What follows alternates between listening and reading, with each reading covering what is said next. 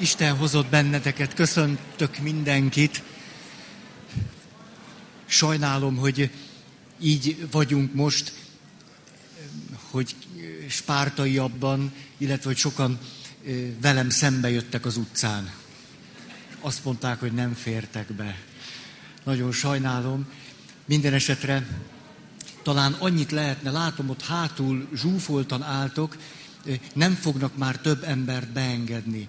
Akkor sem, hogyha foglaltatok helyet. Tehát talán lehetne azt, nem tudom, hány hely van olyan üres, ahova, hogy föntről lejöhettek néhányan, akik álltok, van itt jó pár üres hely, illetve előre lehetne ülni. Szerintem jobban jártok itt elől, ha ültök, mint ott hátul messze álltok. És van néhány szivacs is. Köszönöm, hogy jelzitek, érdemesnek tartom.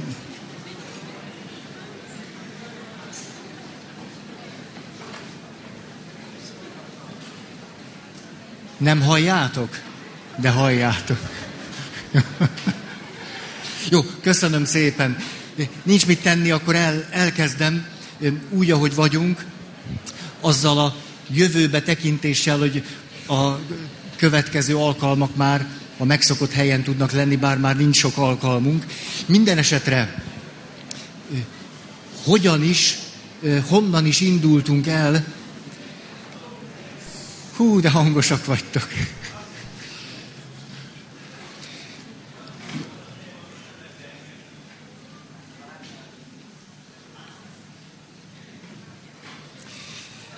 Tehát, igen, hát nézd, Igen.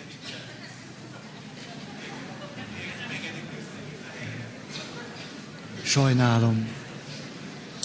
Tehát onnan indultunk, emlékeztek, hogy a társkapcsolat, házastársi kapcsolat, családi kapcsolatrendszerből indultunk, és így jutottunk el oda, hogy nagyon sok megfontolásunk támadt a lélektan, családterápia összefüggéseiből, és azután, hogy mindezt kiegészítsük valami teljesen más nézőponttal. Ezért aztán elkezdjük most használni a meséket, a mai alkalommal mindenképpen belemélyedünk az imént említett, a múlt héten említett mesének az elemzésébe. És ami nagyon fontos nekünk, mutatom a kötetet, hogyha ti is jobban szeretnétek még kutakodni, Verena Kászt a férfi és nő a mesében. Ebből származik a mese, vagy legalábbis az elemzés főleg innen származik. De az elemzéshez nagyon sok saját szempontot is teszek és teszünk, mégpedig milyen fontos szempontokat szeretnénk érvényre juttatni. Az egyik, hogy alkalmaznánk azt, hogy mindegyik szereplővel igyekszünk azonosulni, Azért, hogy ne történjen kirekesztés. Mert már tudjuk, hogy milyen könnyen tudunk kirekeszteni valakit a családból. Tehát próbálunk mindenkivel azonosulni, még akkor is, hogyha az nem esik jól nekünk. Ahogyan elmondtam a mesét, többen férfiak jelezték azt, kisfiúk is hallgatták a mesét, később és jöttek az anyukák, és mondták, hogy a fiaik milyen hihetetlenül dühösek voltak a királylányra. Nagyon mérgesek voltak rá. Míg aztán nőkkel is beszéltem, a nők pedig azt mondták, hát, hogy ez az öreg király, hogy tudott ilyen szemét lenni? A nőktől inkább ezt a verziót hallottam. Minden esetre hát próbáljuk az értelmezésben használni ezt a gondolatot, hogy ne rekesszünk ki senkit, hanem minden szereplővel tudjunk azonosulni, és közben pedig nézzük meg mindegyik szereplő szemszögéből az életet ezt a helyzetet, amiben vagyunk. Aztán a másik, hogy nagyon igyekszünk a rendszer szemléletet is érvényre juttatni a megfontolásainkban, tehát nem egyszerűen csak egyes szereplőt ö, csontig elemezni, hanem megnézni, hogy milyen összefüggések, milyen kölcsönhatások alakultak ki a szereplők között. Azután nagyon szeretnénk valahogy megnézni azt, hogy mi itt a férfi és a nő nagyon sajátos szerepe, és mi az a különbség, amit ők hordoznak, és aztán szeretnénk még azt a szempontot is nagyon előtérbe helyezni, hogy megtanultuk az eddigi történéseinkből azt, hogy az interpszichés és az intrapszichés folyamatok egymással megfeleltethetőségben vannak, vagyis, hogy egy mese nem kezdi részletesen leírni azt, hogy mi történt és mit élt át a király, a királyfi, vagy a lány, főleg a kígyó. Mit tudjuk mi, hogy mit élt át a kígyó? Vagyis egy mese a műfai sajátossága miatt nem kezd ilyen ragozni, hogy kibe mi ment végbe. Legfeljebb annyit mond, hogy nagyon elszomorodott, vagy haragra gerjedt. Ennyiket szoktunk csak tudni. A belső folyamataikról mi árulkodik a mesében? A cselekvésük. Hogy mit cselekednek. Tehát a mese elsősorban az egymás közti kapcsolatokból árul el nagyon sokat abból, hogy mi történik a szereplőkben belül. Ezért aztán, ami itt nagyon kívül látványosan a mese cselekvésében és a, a cselekvés szövésében látható, abból következtetéseket fogunk levonni a belső folyamatokra. És emlékeztek még talán egy picit az ismétléshez hozzá tartozik, hogy a múlt alkalommal néztük, hogy mit mond el a mese a férfiről, és mit mond el a nőről, és a kettejű kapcsolatáról, és nagyon láttuk annak a bölcsességét, hogy a férfi elé olyan próbatételek állnak, hogy a férfinek nagyon határozottnak, világosnak kell lennie. Tudnia kell, hogy mi a dolga, és tudnia kell a céljáért, a feladatáért magát bevetni és küzdeni, és megtudni, mondani azt, hogy kiért és miért adja az életet. Hogy a saját életét kinek és minek szánja oda. Ettől nyer beavatást a felnőtt férfi létezésbe. És ezzel szemben pedig a mesékben a nő egy teljesen más érési vagy beavatási folyamaton megy keresztül, és az ő beavatása éppen nagyon sajátosan olyan helyzeteken keresztül valósul meg, amiben a nő maga sem tudja, hogy pontosan mit kell tennie. Vagy nem tudja, hogy a cselekvésének mi lesz a következménye. Vagy maga sem tudja azt, hogy ez most egy próba lesz, még azt sem tudja, hogy ez egy próba lesz. Hanem egyszerűen csak egy sajátos élethelyzetbe kerül, és aztán ott tesz valamit, és később derül ki, hogy annak ott óriási jelentősége volt. Így aztán mondtuk azt, és tudom, ez sokakban fájdalmat okozott, hogy ezért a mesék azt a tanulságot hordozzák a nő beavatására, felnőtté válására vonatkozóan, hogy a nőnek nem logikusnak kell lennie. És elsősorban nem az értelmét kell tudnia használni, hanem éppen azért nem teljesen tiszta és világos, hogy mi is az, ami a nő előtt áll, mert a nő számára a legfontosabb, ami egy kapcsolatot a részéről élővé, elevenné tudja tenni, hogy képes a külső és a belső természetéhez közel kerülni. Ezt a mondatot mondhatjuk összefoglalásképpen, hogy egy nő akkor tud boldog lenni és segíteni boldoggá lenni a családját, ha képes megtalálni az utat a külső és a belső természethez. De hogyha valaki a külső és a belső természethez keresi az utat, akkor az éppen nem szabályokon és feladatokon keresztül megy, hanem a belső érzék kimunkálása révén. Ezért nem világos a feladat, sőt sokszor azt se lehet tudni, hogy ez éppen egy feladat, vagy éppen egy kihívás, hanem legfőjebb később lehet megérteni. Tehát amikor azt mondtam, és szeretnék a nők felé egy megbecsülésem jelét kifejezni.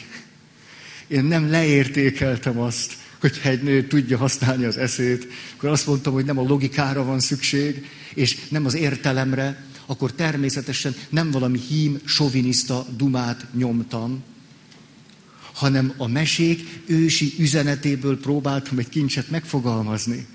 És éppen nagyon jól látjuk, hogy a kapcsolatokban valóban milyen jelentősége van annak a finom női érzéknek, ahogyan a nő kapcsolódik a külső és a belső természethez, tehát magával is valamiféle egységben tud lenni, de a külső természettel is. Nem elég, ha csak az egyikkel. Mert látunk nőket, akik az individualitásnak a, a, a talaján nagyon megvetették a lábukat. A saját belső természetüknek teljesen kiszolgáltatták magukat, az éppen aktuális belső természetüknek, és a külső természettel elvesztették a megfelelő kapcsolatot. Ilyenkor történhet meg például az, ez egy szimbolikus, de nagyon valóságos helyzet, hogy a nő nagyon sajátosan mindig harmóniában van azzal, amit úgy éppen belül érez, és persze a családtörténet, a sebzettségei, a hiányai és minden egyebe révén hordoz magában, és 50 évesen jut oda el, hogy szülni jön.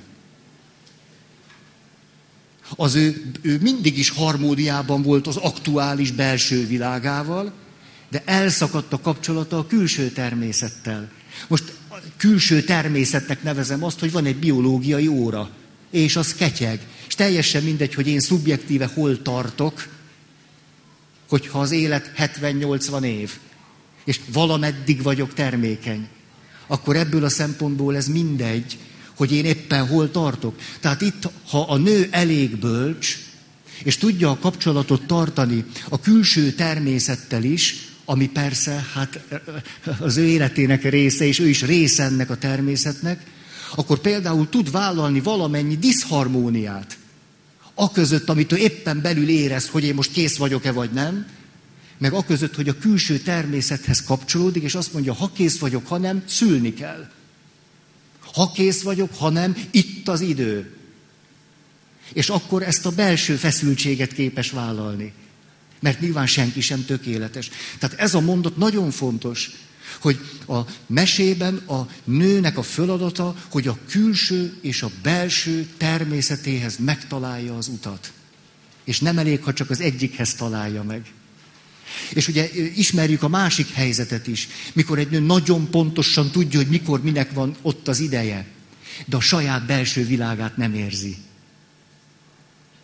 Ó, olyan kedves katolikus keresztény nőket ismerek, akik hihetetlen szépen mérlegelték, hogy mikor kell az első gyereket szülni, aztán mikor kell a többi gyereket szülni, hogy kell a gyerekeket úgy megszülni, hogy a gyerekeknek egymással is jó legyen, hogy ne legyen túl sok év a gyerekek között, hogy jól tudjanak. Ugye, ezt mind nagyon szépen megtartotta, és végül teljesen kiégett.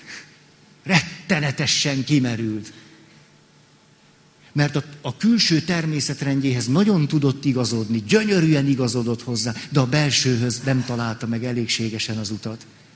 Annyira a fülemben van egy kedves nő, aki azt mondta, hogy egyszer jött hozzám és kérdezte, hogy Feri, Na most van három gyerekem, de hát az első kettő eléggé egymás után jött, a harmadik úgy külön jött, és úgy kéne neki testvér. Azt gondolom, most kéne neki testvér de nincs hozzá, nincs hozzá indítatásom. De kellene neki, és már az életkorom is megvan, de nem volna szabad várni. És hát tőlem, paptól én nem tudom, mit várt, de én biztos nem adtam meg. Akármit is várt, nem kapta meg tőle.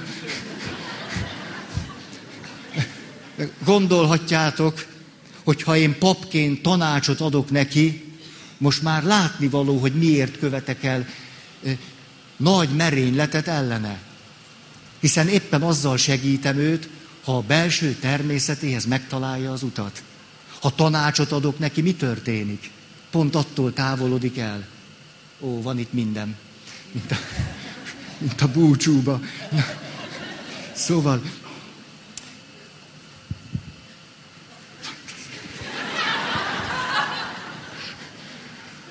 úgy tűnik, hogy a mai alkalomnak van egy közös, közös élménye.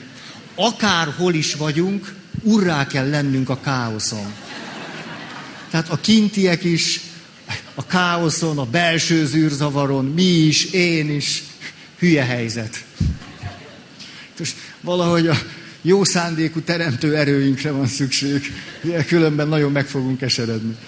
Na, tehát Ennyit utalásképpen arra, hogy hogyan tudnánk összefoglalni, hogy mi is akkor a férfinek a dolga, a férfi beavatás és felnőtt lét, női, nőnek a dolga, női beavatás, női felnőtt lét, és aztán ez hogyan tud megalapozni egy meghitt kapcsolatot. És most nézzük akkor a mesét, és próbáljuk elemezni, nagyon izgatott vagyok, mert annyi fontos dolgot mondhatnánk el. Most, ha itt lent állok, akkor láttok azért? Hátul, hát úgy szó-szó, majd akkor néha fölülök. Akkor miattatok ide állok. Ugye ez is egy, emlékeztetek erre a gondolatra? Nem mindegy, hogy azt mondom, hogy miattatok, vagy hogy értetek. Az nagyon nem mindegy. Miattátok, vagy értetek állok ide? Na, én inkább értetek. Azt mondja, az első gondolat, annyit tudunk, most én, én el nem mondom még egyszer a mesét. Hát aki itt van, az biztos volt múlt alkalommal. Ha nem, Verenakászt, férfi és nő a mesében. Ezt szerezzétek gyorsan be. Azt mondja, honnan indul el a fiú? A fiú onnan indul el, hogy nem tudunk semmit sem az anyjáról.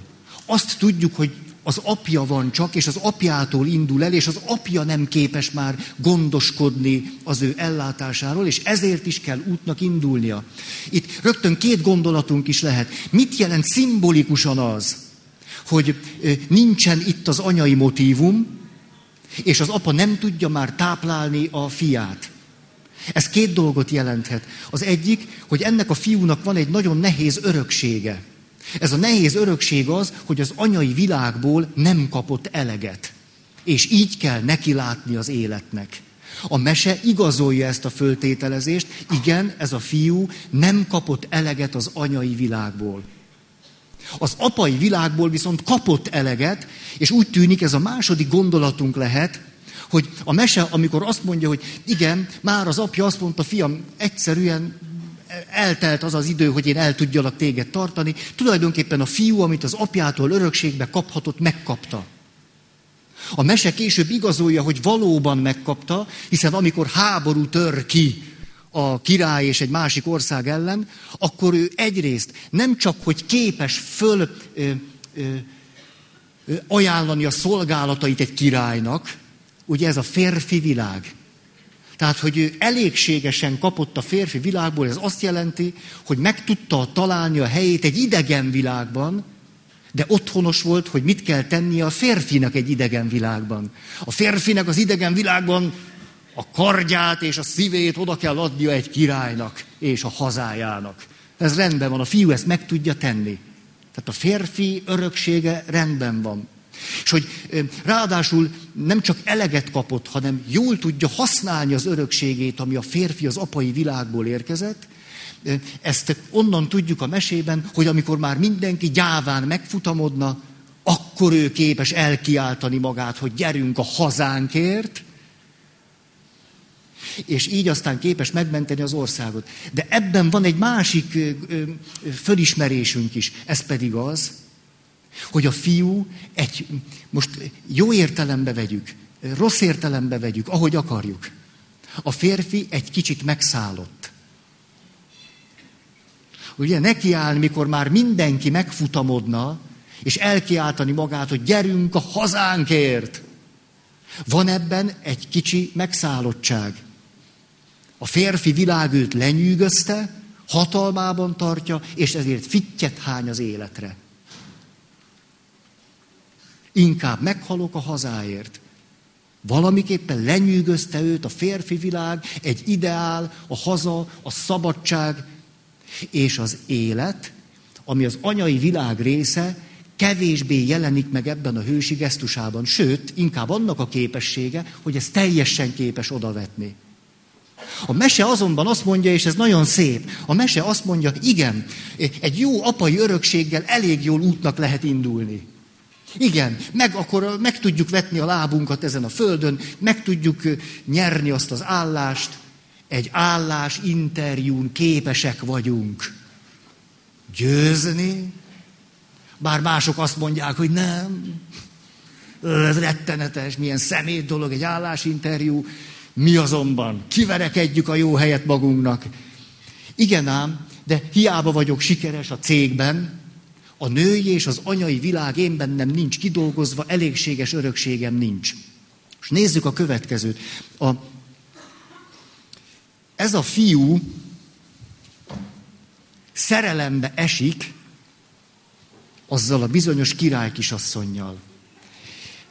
Azt gondoljuk, hogy ez a szerelem teljességgel az életnek, a szerelemnek, valahogy a, a, a női résznek egy, egy megnyilvánulása benne, kétlem. Bár a mese azt mondja, szerelembe esik, de itt sokkal inkább, mint hogyha egy férfinek a nagyon sajátos férfi szerelméről lenne szó, amit egyszer valaki úgy mondott nekem, hogy én tulajdonképpen nem is a társamba szerettem bele, hanem abba a kihívásba, amit a társammal való kapcsolat jelentett. Mintha ez a királyfi nem is annyira ebbe a nőbe lenne szerelmes, hanem talán abba a kihívásba, amit egy olyan, olyan valakinek a keze elnyerése jelent, aki egy egészen lehetetlen, teljesen életellenes szabályt és kritériumot állít föl. Ha ennek a fiúnak lenne elég, ugye most majdnem azt mondtam, elég esze, de nem erről van szó. Ha az életet teljesen belülről eléggé tudná értékelni, becsülni és tisztelni, akkor valószínű, hogy megfutamodna. Akkor azt mondja, hát ilyen áron nem. Hát nagyon hamar én is el fogok pusztulni. Hát akkor, akkor mi, mi, mi értelme ennek? Akkor talán lenne benne egy óvatosság, na nem, nem, keresek én egy nőt, lesz más is.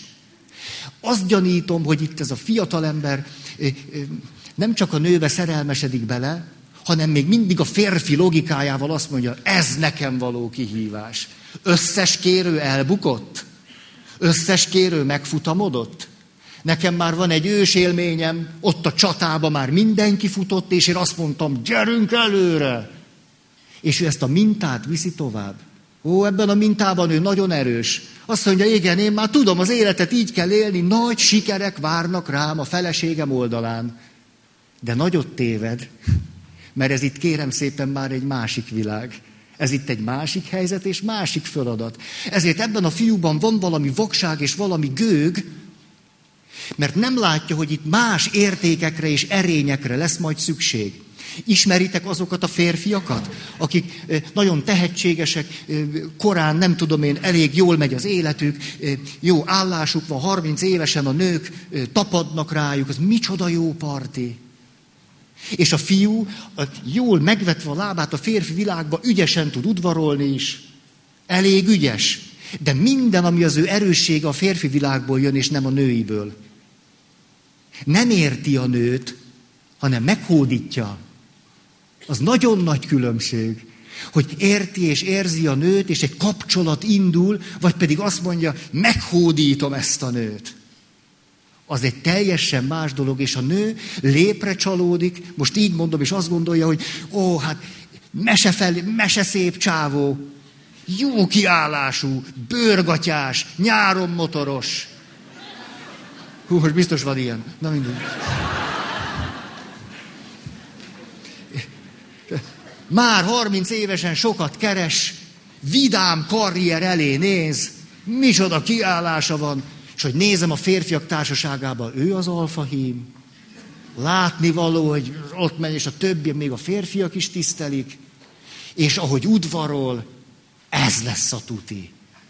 És közben a nő sem veszi észre, hogyha nincs útja a belső természetéhez, hogy a fiú még mindig a férfi erényeket csillogtatja, és éppen hódít. Nem pedig megérze, megérez valakit, aki a felesége lesz. Á, milyen nagy különbség ez. És egy nő, akiben nincsen meg ez a természetes bölcsesség, könnyen lépre megy.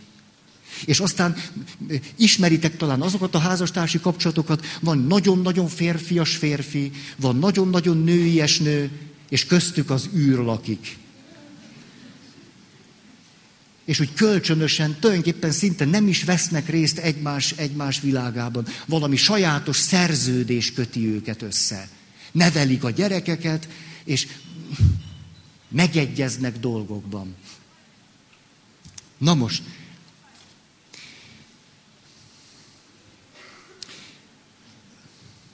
Mi van a nővel? Híha. Mit mondhatunk el a nőről? A nőről azt mondhatjuk el, hogy nagyon sajátosan hasonló az öröksége, mint a fiúnak. Emlékeztek, azt mondtuk, a tudattalan motívumok között az egyik legerősebb hasonló a hasonlóhoz.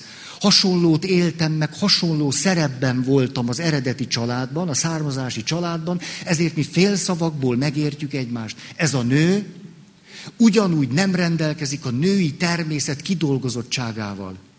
Nincsen a történetben királynő, csak király van. És van egy hihetetten erőteljes szabály, amiről szinte nem is tudjuk eldönteni, hogy ezt a lány hozza-e, vagy ezt a szabályt a király akarja. A lány szájából halljuk, annál rosszabb.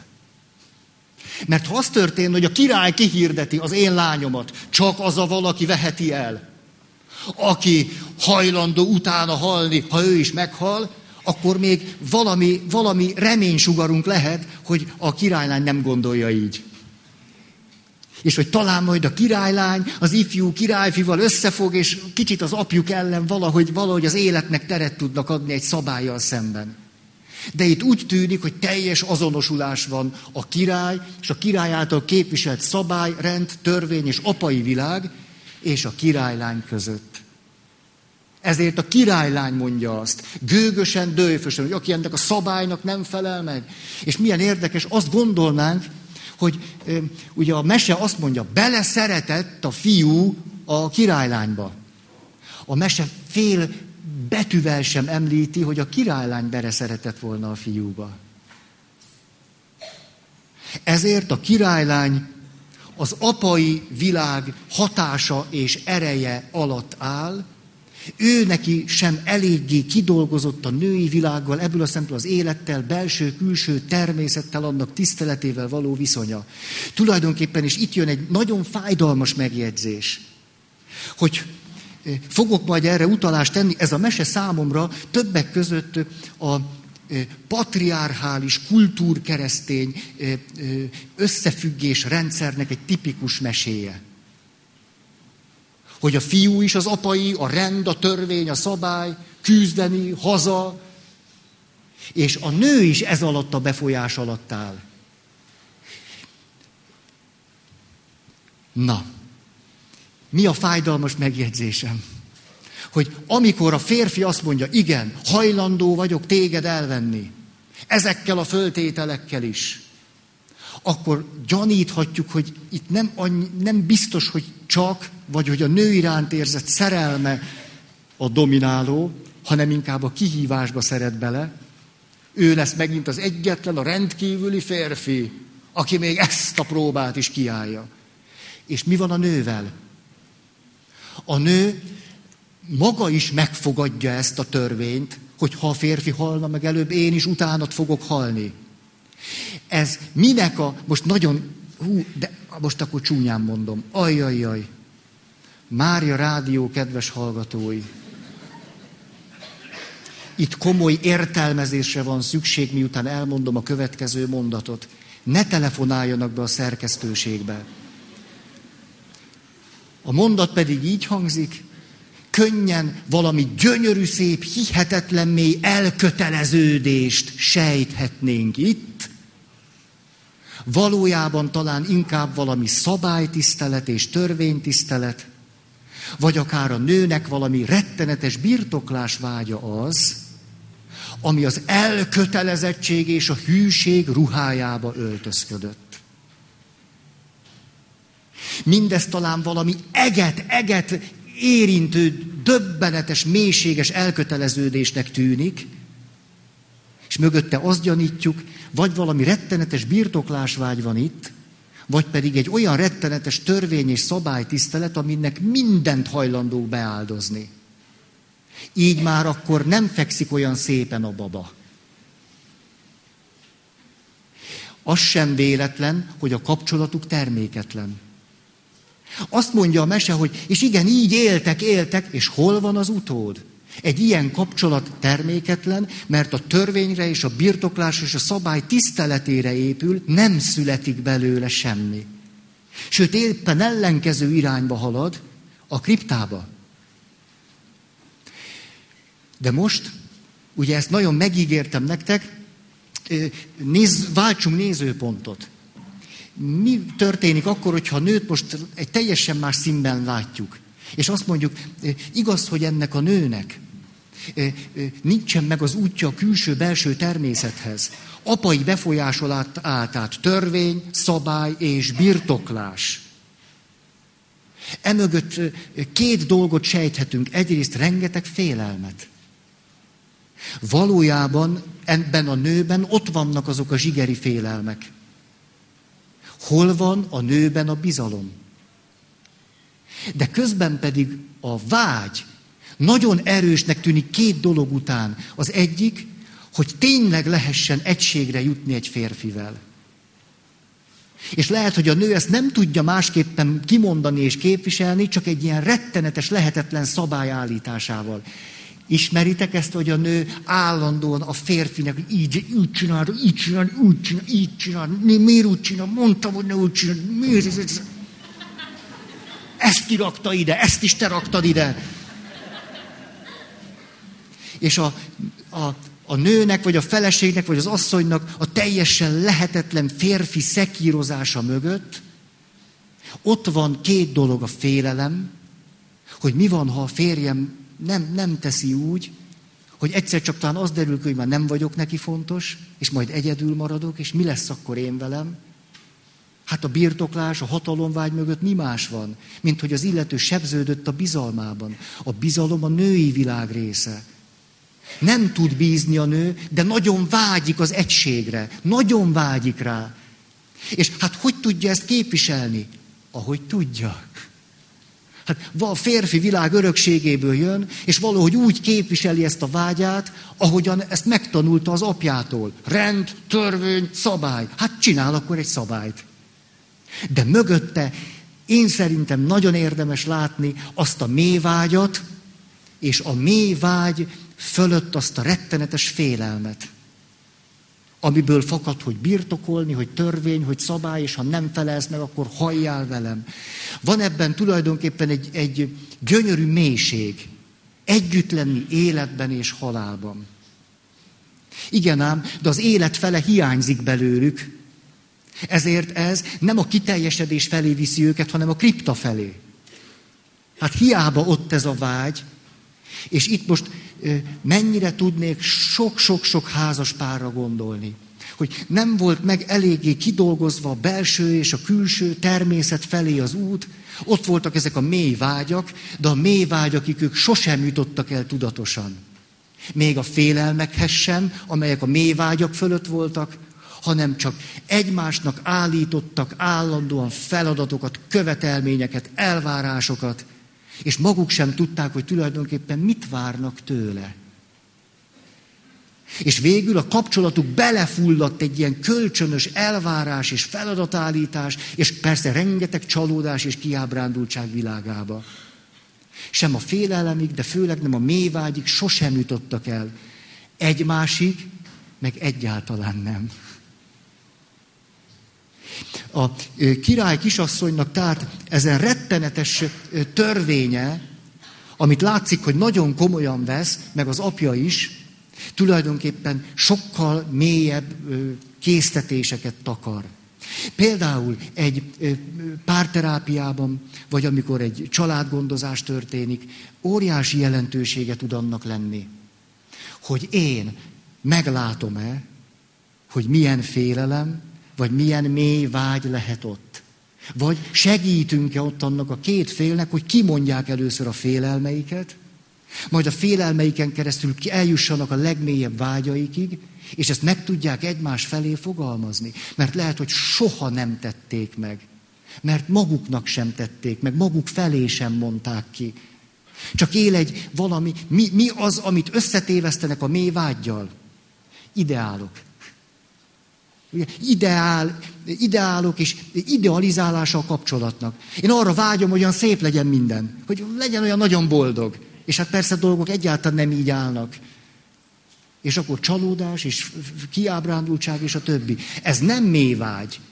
Ez valaminek az idealizálása. Érthető a kettő között a különbség. Az egyik egy felszín, a másik meg maga a mélység. A kettőt ezért könnyű is összetéveszteni. Nem tudom, hogy ez nektek érdekese egyébként.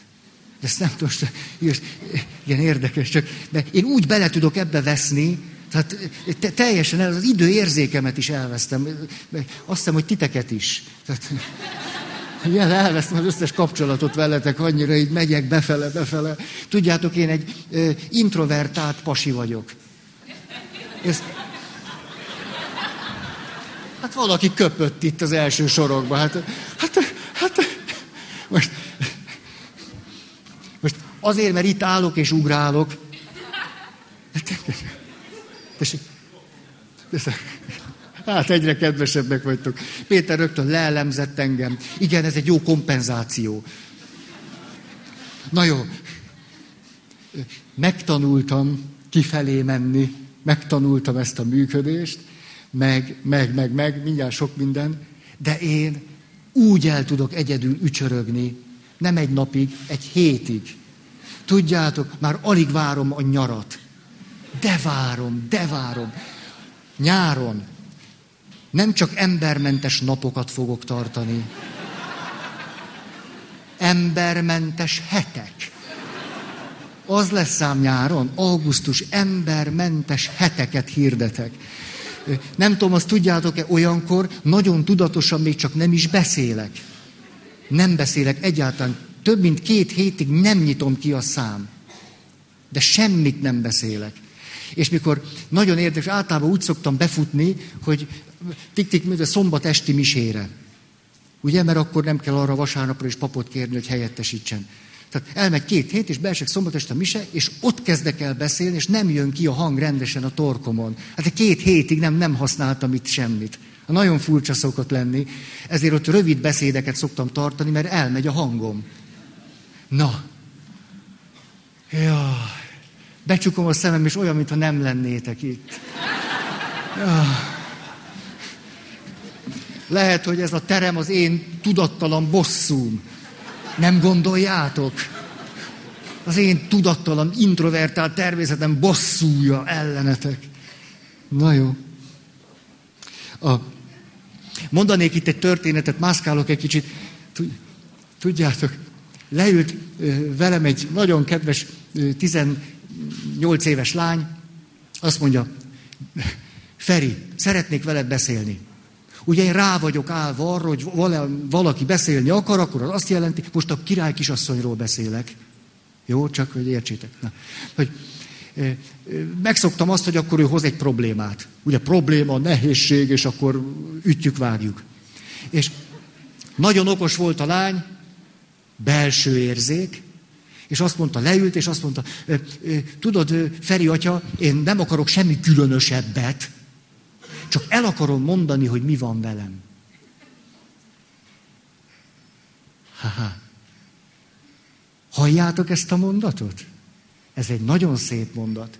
Egy nő, aki elmegy egy apa figurához, és egyszerűen csak be akar számolni önmagáról, az életéről. Hol tartok? Nem kérek megoldást, választ, tanácsot, pénzt, semmit nem kérek. Csak szeretnék egy férfi szemében tükröződni. Csak elmondom, hogy mi van velem. Ez nagyon nagy megtiszteltetés. Akkor valakit megbíznak azzal, hogy lehetsz az a valaki, akinek én elmondom, hogy mi van velem. És az más, mint amikor valaki csak fecseg, locsog. Az más. És miért? Ha egy 18 éves lány fecseg, locsog, az baj. Az se baj. Na most, itt ez a 18 éves lány, és akkor, e, hát ugye 18 éves érettségi. Hosszan, hosszan mondja, hogy jaj, Feri, ez az érettségi, így az érettségi, úgy, ilyen nehéz, olyan nehéz, erről beszél több mint fél órát. És aztán akkor fölülök, sóhajt egyet, és azt mondja, hát, és a fiúkkal se könnyű. Nyilván a könnyebb témával kezdte.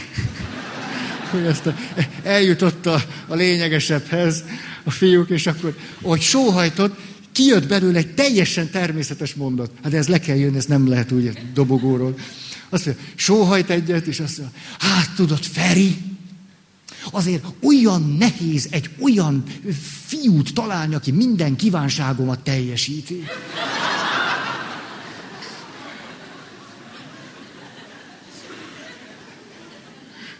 18 éves. Haha. Hát azért itt, igaz, hogy, hogy arra voltam megbízva, hogy hallgassak, de azért itt nem, nem bírtam.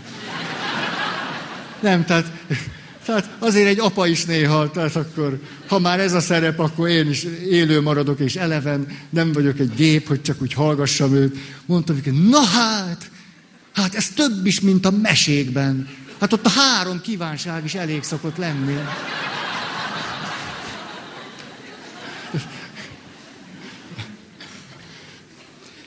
Látjátok? Nagyon nagy különbség, hogy valaki eljut a mély vágyáig, vagy valamit idealizál, és akkor azt mondja, én azt a férfit keresem, aki minden kívánságomat teljesíti. Ez a férfi, aki lenyelt öt aranyhalat című mese.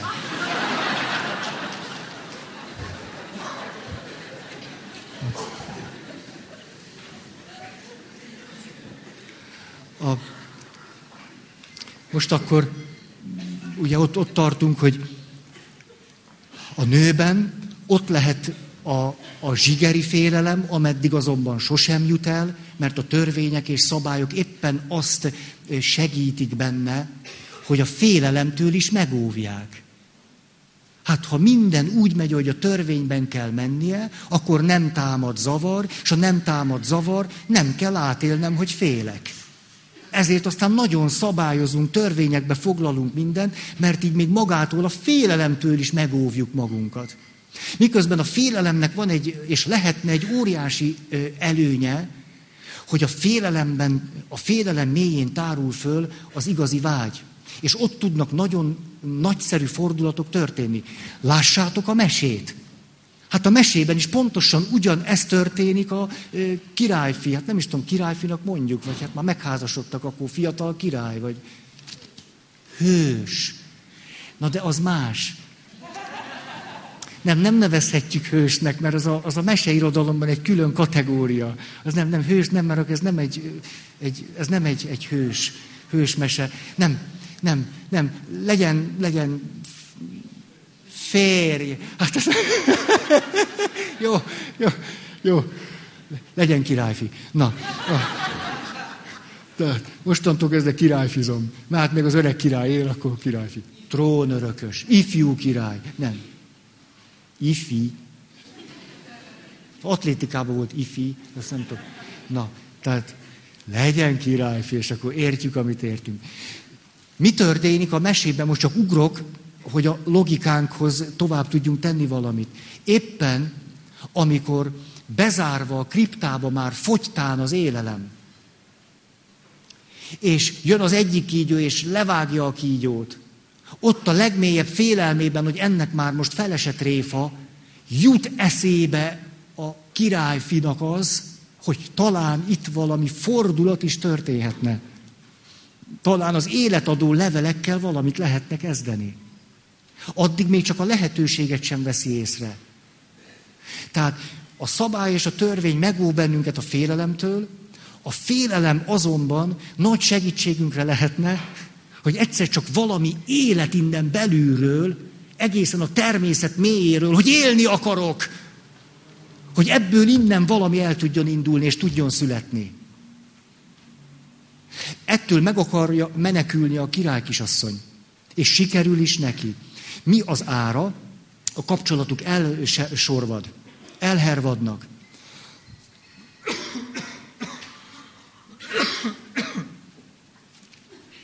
Sajnos, megint csak egy utalás, ez most fájdalmas, az árnyékból való utalás kultúrkeresztény házasságokra, ahol nagyon erőteljes motivum volt az elkötelezettség. Tulajdonképpen az elkötelezettség, most már látjuk, nem biztos, hogy a másik személye felé szólt, bár úgy tűnt. Valójában egy törvény felé köttetett meg. Egy törvénynek akartak hűségesek lenni, nem pedig egymás felé. az nagyon-nagyon nagy különbség. Ha én nagyon mély belső vágyból osztom az életem, adom és ajándékozom, és hűséges vagyok hozzád, az egy más természetű élet, mint ha azt mondom, már pedig én az oltárnál örök hűséget fogadtam, és én ehhez tartom magam. Akkor mihez tartom magam? Nem hozzád.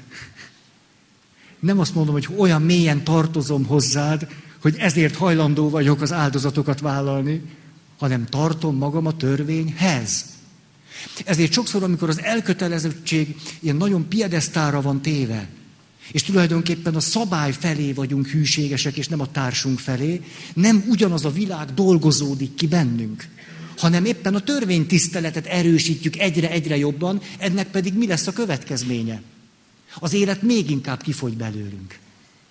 Pont az, amitől a, a, a, az életet várnánk, hogy szabálytisztelet, törvénytisztelet, normakövetés, éppen az nagyon sajátosan nem segíti kidolgozni belőlünk az életet.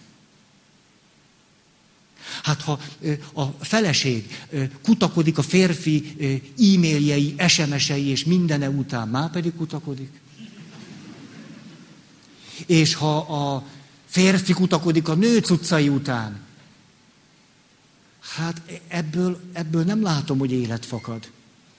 Ez, ez, ezek a momentumok alkalmasak a törvény megtartására rászorítani a másikat, és nem a mély félelemig eljutni, ami nagyon hasznos lehetne, hanem félni a lebukástól. Abból nem nagyon fakad élet, csak megerősödik bennünk a törvény tisztelete. Érzékel, teljesen más életet élünk így vagy úgy. De közben meg gondolhatjuk azt, hogy ennyi a világ. Ugye ez a világ, most vagyunk jó úton, most tesszük pont azt, amit kell, ennél többet nem is lehet. Hát ennél többet nem lehet, hűségesek vagyunk, és... de valójában egy törvényhez tartjuk magunkat, és nem a másikhoz tartozunk. Na ez nagy különbség. Azután a nő életében van itt még egy másik szépség. Szépség ez, árnyéka is van, ez pedig az, hogy amikor azt mondja, hogy a férfinek is velem kell halnia, tulajdonképpen van benne egy, egy kívánság, hogy egy férfin keresztül az élethez eljutni. Egy férfin keresztül a megváltásig elérni. És a mesékben ennek van létjogosultsága. Emlékeztek, ezt mondtam múlt alkalommal, hogy, hogy arra vágyunk, és a mese ezt kifejezi, hogy egymás révén váltódunk meg. A szónak most nem keresztény teológiai értelmében, hanem egy átvitt emberi értelmében. Jó. A, a lány nagyon erősen kötődik az apához, a kettő azonosul vele, törvény, szabály és tisztelet. Itt érdemes egy megjegyzést tenni. Nem gyanús-e nektek az, hogy az apa, amikor a lánya megbetegszik és meghal, milyen készségesen őrizteti a királyfit. Nem gyanús. Tehát, hogy a mesében lehetne egy olyan fordulat, hogy és hogy telik múlik az idő, az öreg király egyre jobban megszerette vejét.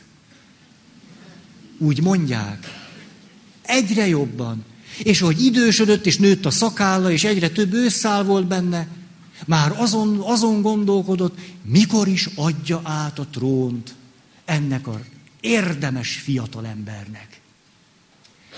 Azonban itt egy egyoldalú férfi világról van szó. És ha nincs benne a női világ, ha csak az egyoldalú férfi világ van, mi annak a következménye? az idősödést, és az élet átadásának a természetes útját és idejét a férfi hatalomvesztésnek éli meg. Ismertek olyan férfiakat, akik amikor már elmúltak 40, 45, 50, az, ha a női világgal kapcsolatuk lenne, ezért a külső-belső természethez tudnának tartozni, azt mondanák, itt a generativitás ideje.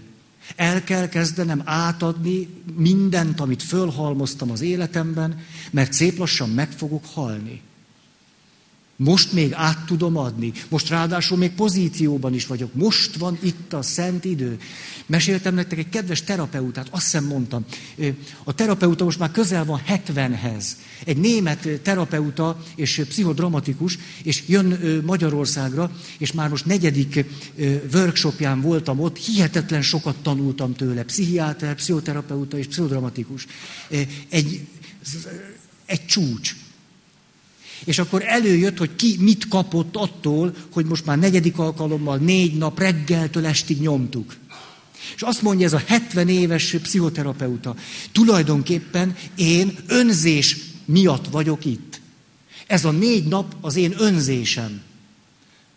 És így nézzünk, hát eljött ide fél áron, csinálta, tényleg így csinálta, fél áron jött, és adta, és izzadt, és szenvedett velünk. És akkor azt mondja, azért az én önzésem, mert én évekkel ezelőtt rájöttem, én bármikor meghalhatok. Én át akarom adni, amit tudok. Én most keresem azokat, akiknek át tudom adni az összes tudásom. Ez nekem jó. Mert én rájöttem, hogy ez, ezt, ezt kell csinálnom, ez a belső természetem. Nem adom át, elsorvadok. Nem adom át, boldogtalan leszek. Nem adom át, nem, nem megy bennem tovább az élet. Nem adom át, nem, nincs értelme az életemnek. Ezért, hogy én jövök és féláron nyomom nektek, ez az én önzésem. Ezt egy olyan férfi tudja mondani, aki jóba van a belső természetével, a női világgal. Hát azért pszichoterapeuta férfiként legyen jóba a női világgal. Ugye? De jóba is van. Ezért azt mondja, nem kell engem dicsérni, önzésből vagyok itt. Kaptam az élettől négy napot, hogy át tudtam adni ami megfeküdné a gyomrom. Hánykolódnék éjszaka? Ma kinek adtam át ebből a sok mindenből, ami itt, itt agyon fogja nyomni a szívemet, ha nem adom át. Ahol egy ilyen rettenetes kart-kikart férfi világ van a női világ nélkül, ott, amikor eljön az idő, hogy kezdjünk valamit továbbadni és átadni, azt a férfi hatalomvesztésnek éli meg. A, az apa a saját fiának a serdülő korát, a saját hatalom vesztéseként éli meg. Amikor a fia elkezd, elmegy az egyetemre, ezt képes a saját hatalom vesztéseként megélni. Hogy az apa képes nekiállni a saját fiával rivalizálni. Hogy az apa képes a saját fiát, akinek úgy bontakozna ki az élete, minduntalan lenyomni a víz alá és lealázni. Mert a fiának a kibontakozását hatalom vesztésként éli meg. És nem tudja úgy átélni, megy az élet, az én életem ott megy tovább benne. Ennél szebbet el se lehet képzelni, mert túl fog engem élni. De ha ő engem túlél, akkor belőlem valami túléli a halálomat. A fiamban ott van az örökké valóságom. Az én fiamban ott van az én örökké valóságom. Hát azt támogatom most. Ha magamat támogatom, viszem a sírba. Ha a fiamat, adtam valamit a fiamban, a fiamon keresztül az örökké valóságnak. Vagy az örökké valóságnak adva adtam valamit a fiamnak. Te micsoda szép dolog ez. És azt látjuk, hogy a király erre teljességgel érzéketlen. Örül neki, hogy az utódot ki lehet nyírni. Örül neki. Na most,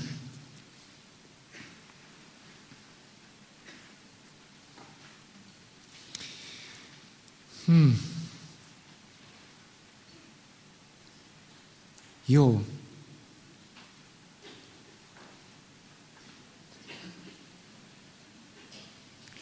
Igen. Hmm, hmm. Oké, okay. menjünk be a sírboltba. A sírboltban szimbolikus dolgok történnek, és a sírbolt felé eh, mi vezet?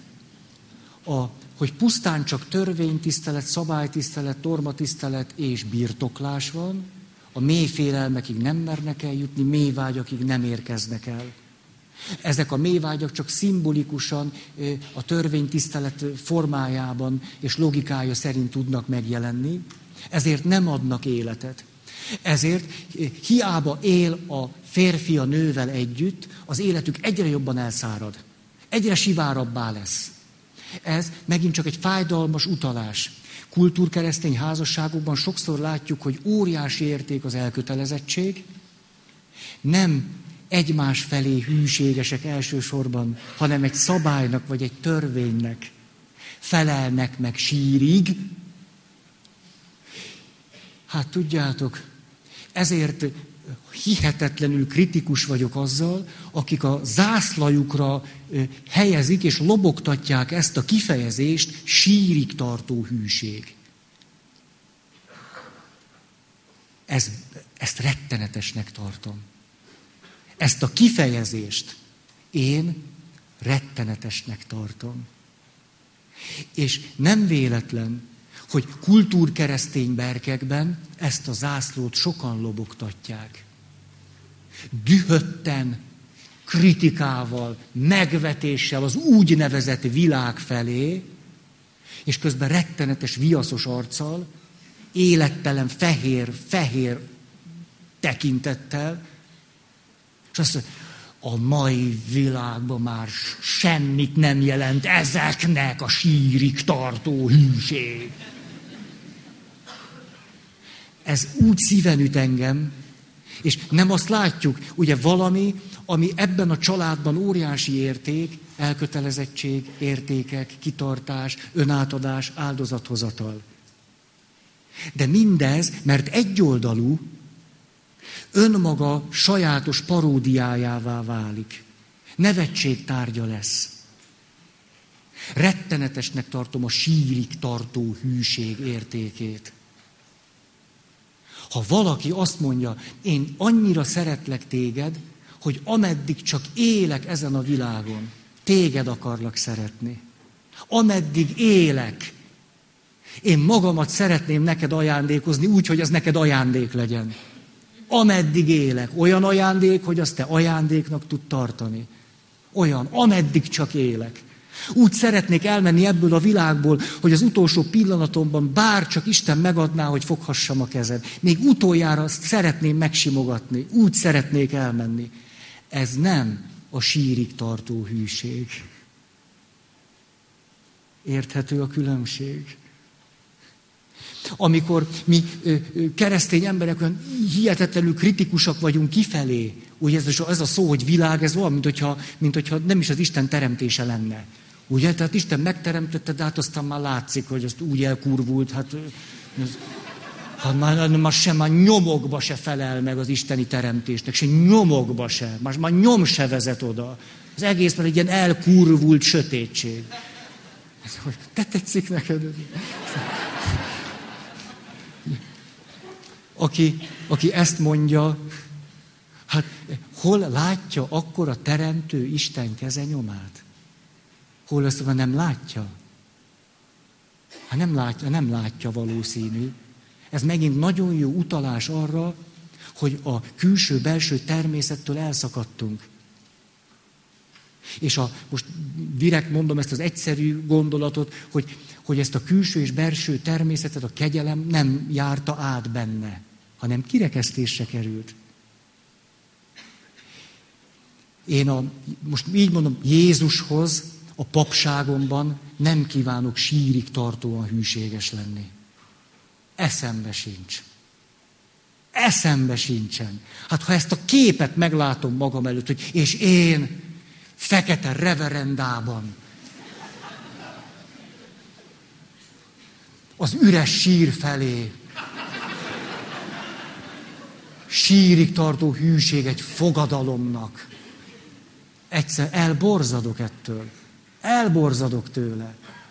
De ez egy kicsit se jelenti azt, ugye ezt most nem kell elmondom, Mária Rádió kedves hallgatói. Nem a sírig kell hűségesnek lenni, hanem egy életen keresztül valakihez. Az más.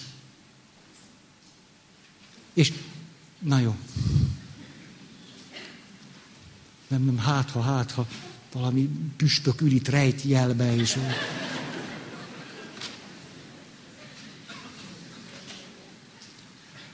A, Ugye azt mondja, időérzékemet is elvesztettem, teljesen kész vagyok. Azt mondja, hogy tudjátok, olyasmiről álmodoztam, még mikor fiatal voltam, olyan álmaim voltak, hogy, hogy ülök a szobába, és végig kommentálom a meseirodalom gyöngyszemeit. Aztán megelégettem volna a legfontosabb mítoszokkal. Végül pap lettem. Szóval... Ezt most csak nem bírtam ki. Ez, tessék, ez a felszínes. Péter, azt a Biblia nem elég. De nekem elég, Péter, ez az egy könyv elég az életre.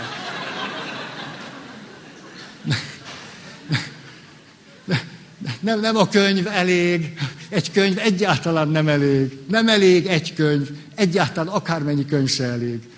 Hát, de Péter, tudom, jó. Jó, igen. Na.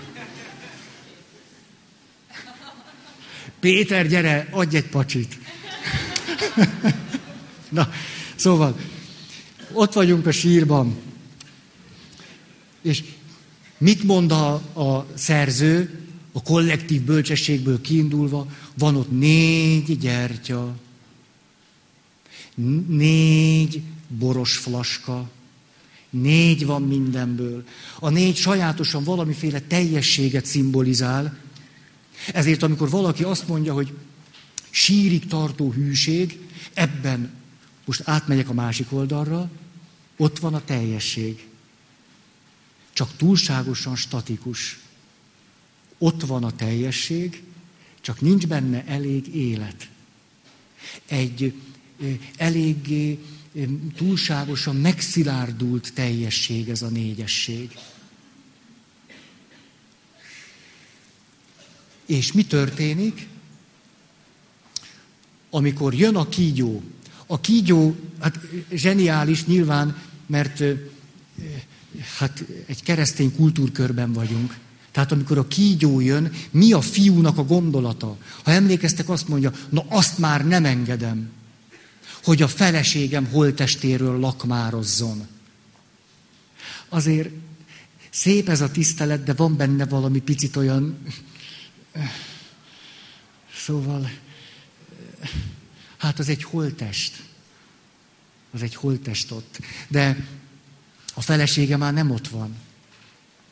De rendben van, érezzük a kettő közt a párhuzamot, és akkor azt mondja, nem engedem, hogy a kígyó ezt csinálja, közben a kígyó egy életet hozó kígyó. A férfi világból valami kirekesztésre került, és meg van bélyegezve. A kígyó hozza az élet három levelét. A fiúnak a kígyóról mégis mi az asszociációja? Hát ő az, aki lakmározik a holtestből. Tehát nyilván a, a sátánnak, a kísértőnek egy nagyon sajátos szimbóluma. Ez hihetetlen, finom pontossággal fejezi ki szimbolikusan azt, amiről beszéltünk most alkalomról alkalomra, hogy a család kirekeszt egy értéket, megveti, megbélyegzi és démonizálja. Ezért annak az értéknek az érték volta nem látszik, csak mindig ö, ö, lekezelő, lebecsmérlő, kirekesztő ö, megközelítésben látjuk. Ugye mindig csak önzésről beszélünk, de sosem látjuk a mögött, hogy valaki képes önmagátért kiállni, vagy önmagát képviselni, vagy a saját szükségleteivel törődni. Erre mindig azt mondjuk, hogy önzés. A mese ezt úgy fejezi ki, hogy egy kígyó jön. Hogy egy kígyó hozza az életnek a három levelét, ez a fiúnak a látásmódja, meg a férfi világé. Kirekesztjük az életet, és azt mondjuk, hogy ez rettenetes kígyó.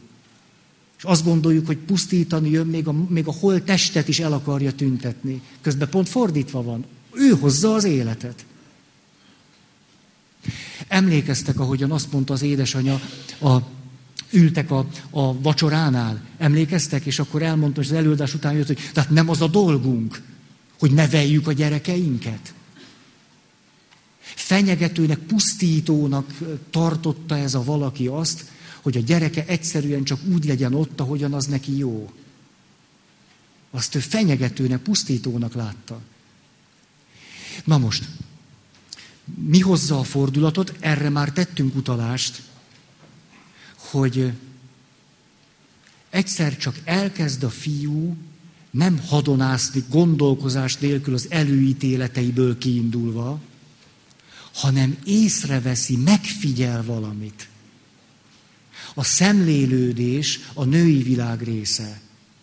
Egyszer csak szemléli, hogy amiről én eddig azt gondoltam, hogy kígyó, hogy rettenet, még a holtestet is elpusztítja, valami egész más csinál. Nézzük csak meg, mi is lesz belőle.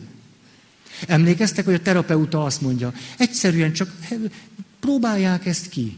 Nem kell benne hinni, csak nézzék meg, hogy mi fog történni. Változtassanak valamit, és nézzék, hogy változik-e az élet. És ez persze valami mély meggyőződésszerűvel ütközik. A fiú egyszerűen csak nézi, a királyfi, hogy mi is történik.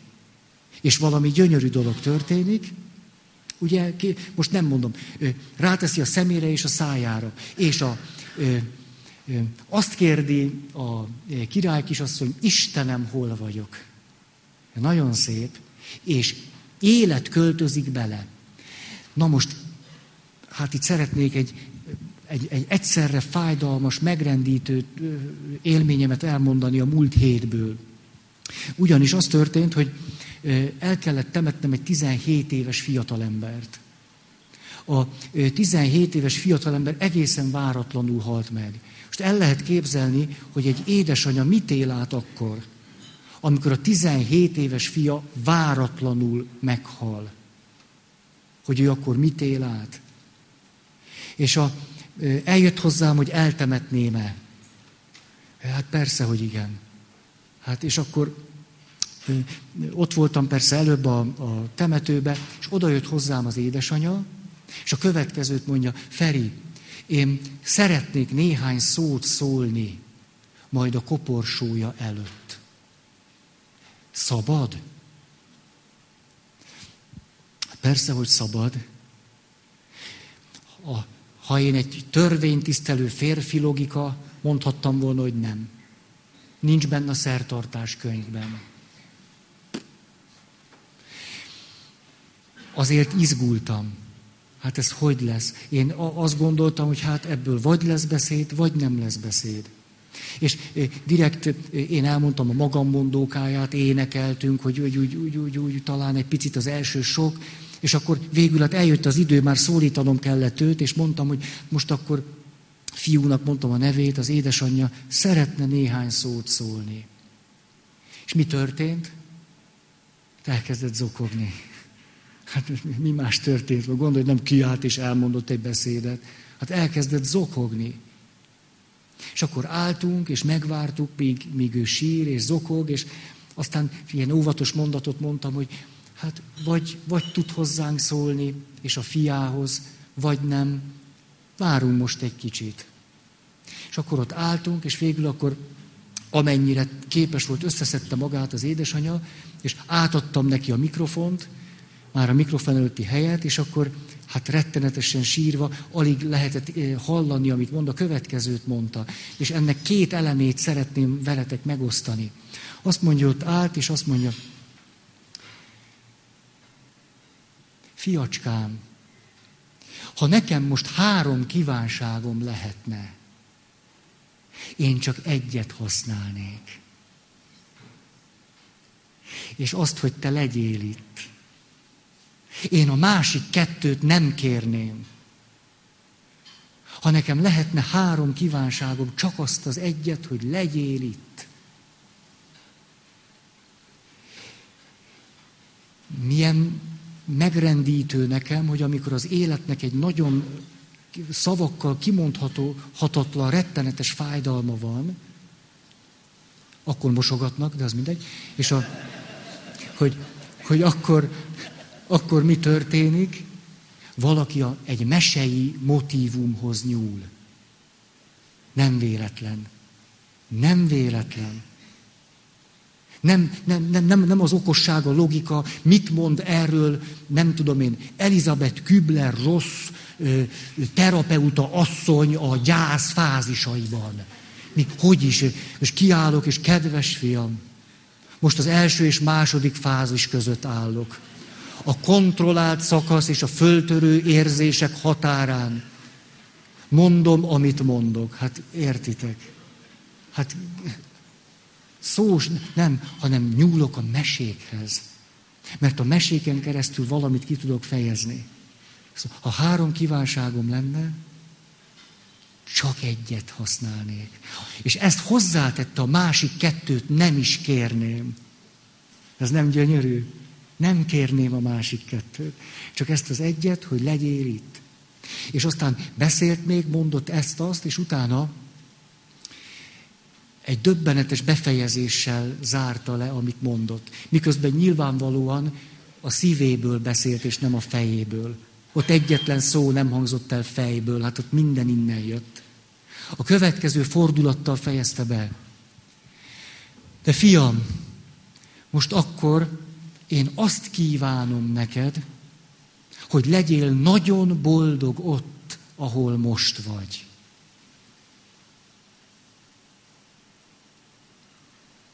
Fiam, én azt kívánom neked, hogy akkor legyél nagyon boldog ott, ahol most vagy. Most én, ja, lehet, hogy először hallgatnom kéne, hogy az asszony ebben a legmélyebb fájdalmában, ez az életnek, mondom, ma a káoszon kell úrá lennünk. Milyen szimbolizálja az életet, ugye? Hogy, hogy amikor a, az asszony a záró mondatát mondja, akkor tulajdonképpen visszatér a mesei motívumhoz. Mert azt mondja, akkor én azt kívánom neked. Halljátok ezt? Nem ő kér valamit most az élettől, hanem tulajdonképpen ő kíván valamit a fiának. Ez egy döbbenetesen gyönyörű dolog. És ez akkor lehetséges csak, ha valakiben a spiritualitás megnyílik. Szóval nem én várok most az élettől valamit, hanem én itt vagyok, és én kívánok neked valamit. Vagyis képes vagyok most a saját fájdalmamon túl téged látni ebben a pillanatban is. Bár nekem fáj. De én most téged látlak, és én kívánom, hogy te nagyon boldog legyél. Ezt egyszerűen, hát lenyűgözően gyönyörűnek tartom. Lenyűgözően. És ugye ez a különbség, amikor a férfi kiáll mondjuk egy pap képében, és azt mondja, hogy adj uram örök nyugodalmat neki, az örök világosság fényeskedjék neki, nyugodjék békességben. Amen. És amikor az anya kiáll könnyek között, és azt mondja, fiam, ahol most vagy, legyél ott nagyon boldog. Ez tulajdonképpen ugyanaz. Csak az egyik a férfi változata, szertartás könyvbe öntve, másik meg a női változata.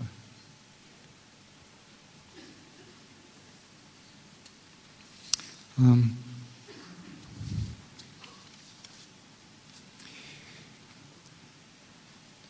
az, ahogyan a...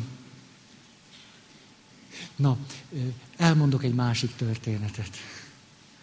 A másik történet, és kicsit sétálok is hozzá, tudjátok, jó, itt az idő, nem, hát semmi, fél van. Semmi másik történet. De megígérted ezt. ez, ez, ez, erre hallgatok. Tehát, kimondtad a varázsigét. Tehát, ez, ez így, így, ez a varázsige.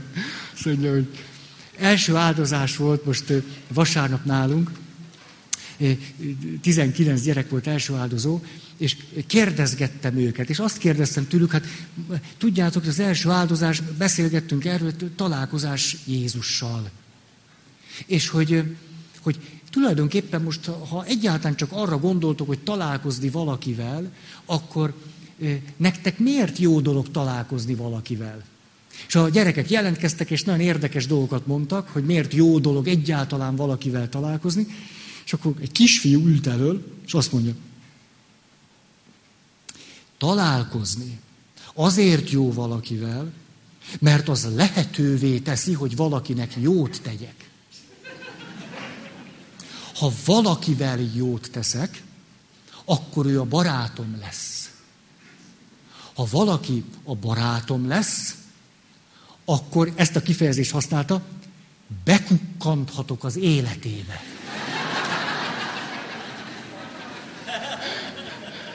És még nem ezzel volt vége, mert azt mondja, és ha bekukkantok valakinek az életébe, akkor valamit megérthetek. Ez egy kilenc éves kisfiú. Mondta, hogy na én ezt nem bírom elismételni, elmondanád? És akkor kiállítottam az oltár elé, és és akkor elmondta, hogy akkor bekukkanthatok az életébe. És hát értitek, hát már megvolt, ami kell, az már megvolt. És, a, és akkor vége volt a misének, és a kisfiú, fehér ruhába, többiek már mentek, hogy, hogy tíz órai, meg kakaó, meg nem tudom én, pogácsa, a kisfiú nem. A kisfiú kivárta a sorát, fehér ruhába, azt mondja, Feri atya, de hát ugye kb. így, így, így. Feri atya, azt hiszem, eljött az idő, hogy mi négy szem közt is beszélgessünk.